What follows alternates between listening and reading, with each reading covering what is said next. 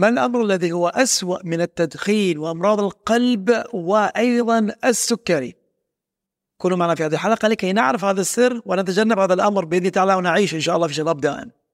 السلام عليكم أحبتي معكم الدكتور مجد عبيد أكثر من 20 سنة في مجال تطوير الذات وأيضا أسرار الصحة المثالية وللتو احتفلت بعيد ميلادي الخمسين وقررت أنشر كتابي بعنوان شباب دائم عن أحدث الاستراتيجيات أطبقها منذ 20 سنة محافظة على شبابي الدائم ووسامتي. لم يكن أعشق الوسامة. لا لم نتكلم عن الوسامة والكاريزما في هذا. لكن إن شاء الله شخص اللي يعني يكون مفعم بالحيوية والنشاط كذا يكون جذاب. لم يكن جذاب. لم يكن جذاب. إن شاء الله نكون جذابين في كل الأحوال. مهم تكلمت في حلقة سابقة عن ست عوامل نمط الحياة السيء. اليوم سوف أتكلم عن بعض هذه العوامل تفصيلا من الذي هو أسوأ. فعلا من من التدخين ومن حتى من الجنك فود للعلم. من الغذاء الغير التغذية السيئة أو الغذاء المصنع. من منكم يفهم من منكم آه، آه، عرف الإجابة على هذا السؤال. قلة الحركة. قلة الحركة الدراسة تثبت ما يسمى مرض الخمول قلة ممارسة الرياضة. وقلة الخمول. لذلك سوف نتكلم في فصل كامل وحلقات كاملة وفصل كامل عن موضوع الرياضة وألف كتاب كامل أيضا عن موضوع اللياقة البدنية. لكن عرف الداء أصف لك الدواء. أعرف خطورة ما يسمى مرض الجلوس. دراسة تثبت آه الخمول ليس فقط ما يسمى كان كثرة الجلوس الجلوس دون حركة. ما يسمى حياة الخمول. للأسف تؤدي إلى هذه الأمراض. وكما تكلمت لاحظنا أن كلما ازددنا في العمر يعني كل واحد منكم يريد أن يلاحظ أبنائه مثلا إذا كانوا عندنا أبناء صغار أو أو أطفال صغار. من الثانية الخامسة قبل قبل سن المدرسة. شوف سبحان الله في حركة ثم طبعا مع دخول المدرسة يقول لك اجلس ولا حركة ولا نفس تعلمنا الجلوس تقريبا. ثم كلما زدنا في في العمر قلت الحركة. وكلما قلت الحركة كنا قريبين من قبورنا. فضوا هذه الجملة. ذلك لا تستطيع أن لا تمارس الرياضة. يعني لابد خصوصا مع بعد الثلاثين الأربعين الخمسين الرياضة مهمة جدا جدا. لذلك حفظا من يعرف الداء لك الدواء. وأنا كثير سوف أتناول موضوع الخطوات اليومية الحركة. فنتكلم عن الخمول في مكان واحد دون التحرك. حتى الشخص الذي يمارس الرياضة حصة رياضية ثم يجلس طول اليوم. الجلوس دون تغير البوزيشن وضع الجسد يؤدي إلى ما يسمى تلك الأمراض. والدراسات تثبت إن 94% فرصة أكبر للوفاة لدى النساء غير النشيطات اللائي أو اللاتي يجلسن لأكثر من ست ساعات. لم يكن لاحظ إحنا معظم سبحان الله مكاتبنا في cubicles صح ثمان ساعات نجلس صح ولا صح؟ ست ساعات 94% خطر موت مبكر. لذلك وأكثر من نسبة من أمراض القلب والسرطان الرجال 48% إذا كانوا أكثر من ست ساعات. لذلك النساء على شفا جرف هار ودعوة لكل نساء الخليج إن يا جماعة يا أخي يعني شوية تحركنا في البيت. لا تعتمدون بس على الخدم. لما يقول الخادمة سوف تعيش أكثر من شنو؟ من من النساء يعني نساء الخليج فتحركوا مرض. سوف نتكلم عنه؟ لكن من أخطر عوامل ال ال ال نمط الحياة السيء تؤدي إلى كثير من الأمراض. الخمر اتخذ القرار تصبح نشيطا بإذنه تعالى. وكل معنا في السلسلة كي أتكلم عن لازلنا أعرف الداء أصلا لك الدواء. لماذا؟ 80% من الناس تموت. رقم واحد بقلة الحركة. ما هو الوباء الذي هو أخطر من كورونا؟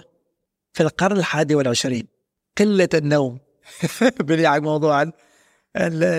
قلة النوم والسهر الدراسات تثبت يا جماعة يا الله.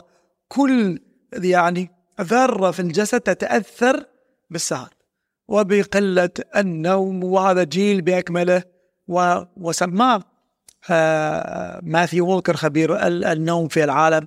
وباء القرن الحادي والعشرين قال أخطر وباء أخطر حتى من من كورونا. كورونا. فضوها للأسف الآثار الجانبية مثلا ليش قلة النوم زيادة في الوزن؟ شخص الذي أقول له يا أخي شخص مصاب بزيادة في الوزن رقم واحد اضبط نومك. رقم اثنين يزيد من خطر الإصابة بإيش بي بمرض السكري عندك السمنة والسكري.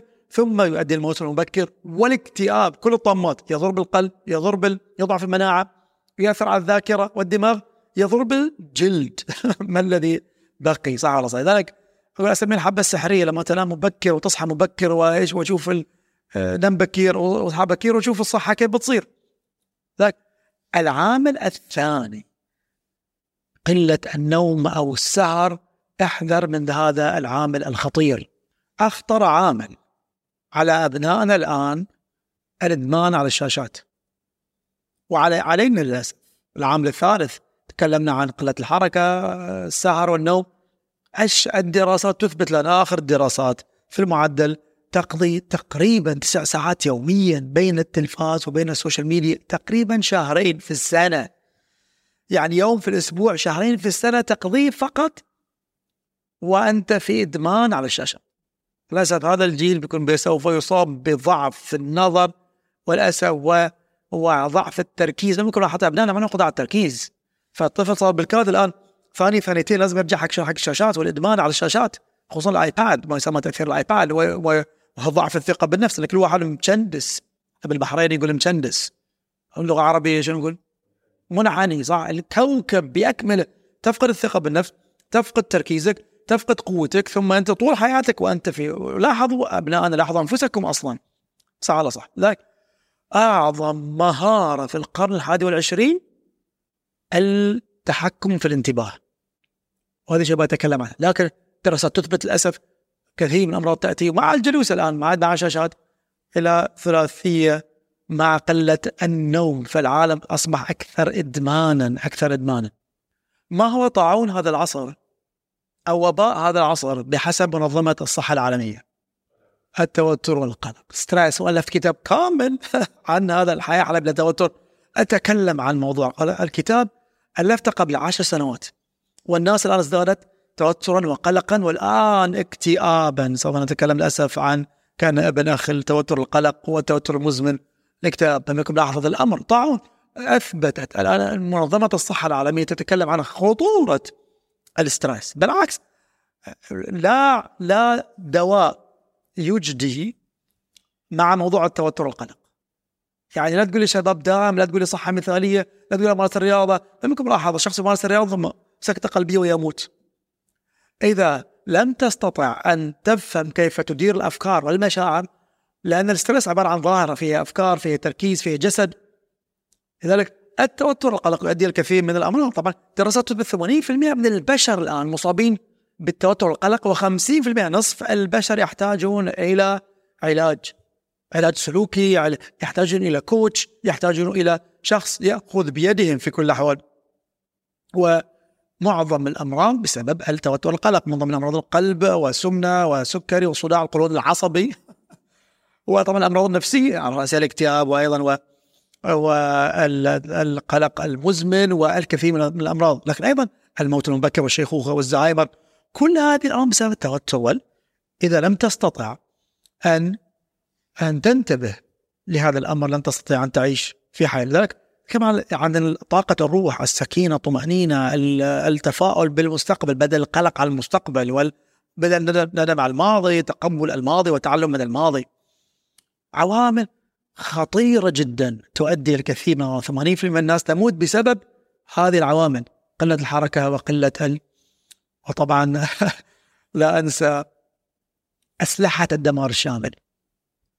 ما هي أسلحة الدمار الشامل؟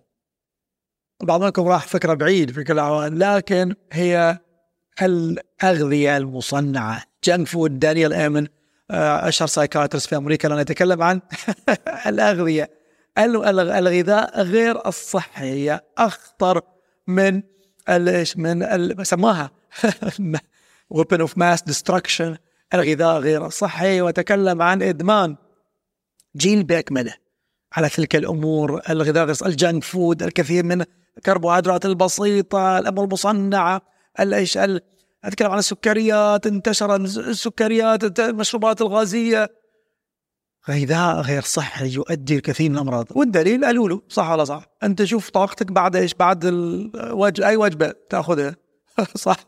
الناس تأخذ ضد قيلولة هي غيبوبة خصوصا في الخليج أنا ضرب سبحان الله عيوش وكروش. العيوش تؤدي الكروش العيش عندنا في الخليج عن الرز. فعلى الرز أو أو أو الخبز نفس الموضوع. كل ذلك الأمر الغذاء غير الصحي للأسف يؤدي إلى شنو؟ وابنائنا على شفا جرف هار أنا تعرفت على ال junk food أول مطاعم الوجبات السريعة لما كان عمري 20 أبنائي تعرفوا عليه. يعني بنتي أنا درست ماجستير في أمريكا. بنتي عمرها أعتقد سنة. تعرفت على الناجتس شلون؟ لا حبت الكاتشب مع الفرنش فرايز البطاطس المخلية. شلون البنية عمرها عشر ونعطيه الشيء سبحان الله أعوذ بالله نغضب لذلك إدمان ما بعده إدمان. وجيل باكملها تقريبا السمنة منتشرة في كل مكان بسبب هذه الاغذيه غير المصنعة. لذلك نتكلم يعني الواحد يحاول أن يعني يعتدل فيه كما سوف نشرح. الفت كتاب كامل عن موضوع الغذاء الغذاء يؤدي إلى السعادة والإكتئاب. لأن 90% من السيروتونين هرمون السعادة في الأمعاء. سعادتك في أمعائك كما سوف نشرح. لذلك حذاري من هذا الموضوع. وخليكم معنا في كلام لا أدعو إلى الحرمان. لا ابدا. خليكم معنا. سوف أعطيكم منهج جميل. عمري 50 أنا اكتشفت الحرمان يؤدي إلى التوقان والانتكاسة. صح لذلك لا تحرم نفسك لكن كل كل باعتدال. ثم عليك بالكثير من الأمور. بنتكلم عنها. تحكم الكربوهيدرات عليك بالصيام المتقطع عليك أيضا. بالألياف. كيف ممكن نتعامل مع شنو مع هذا الأمر؟ من غير حرمان وبالصحن الذكي اسمي الصحن المثالي الذكي في كل حال لكن انتبه وكن معنا في هذه السلسلة شباب دائم. اعرف الداء لك الدواء قلة الحركة السهر داعي الشاشات التوتر القلق وأيضا الأغذية الغير مصنعة. ثم التلوث. لا أنصح إذا الإنسان يكون يعني معرض لكثير من عوادم السيارات. يعني حتى بالقرب من المطارات الآن دراسات تثبت يعني تحتاج على الأقل 22 كيلو بعيد عن المطار. لكي تبتعد عن عوادم الطائرات عوادم السيارات عوادم الطائرات تؤدي إلى إيش؟ إلى السرطان للأسف. لذلك انتبه وسوف نتكلم عن أهمية التنفس العميق أيضا والتخلص أيضا أو أخذ المكملات لكي تتخلص من التلوث باستمرار بالذات الكلوروفيل أو الأغذية الخضراء. عليك من الغذاء الأخضر يقي الجسد من هذه الأمور. المهم ست عوامل بإذن تعالى سوف ان شاء الله نتخلص منها. الكتاب يشرح استراتيجيات جبارة عليكم اختيار الكتاب. شاركوا في هذه القناة شاركوا في اسمعوا البودكاست أو شوفوا في اليوتيوب.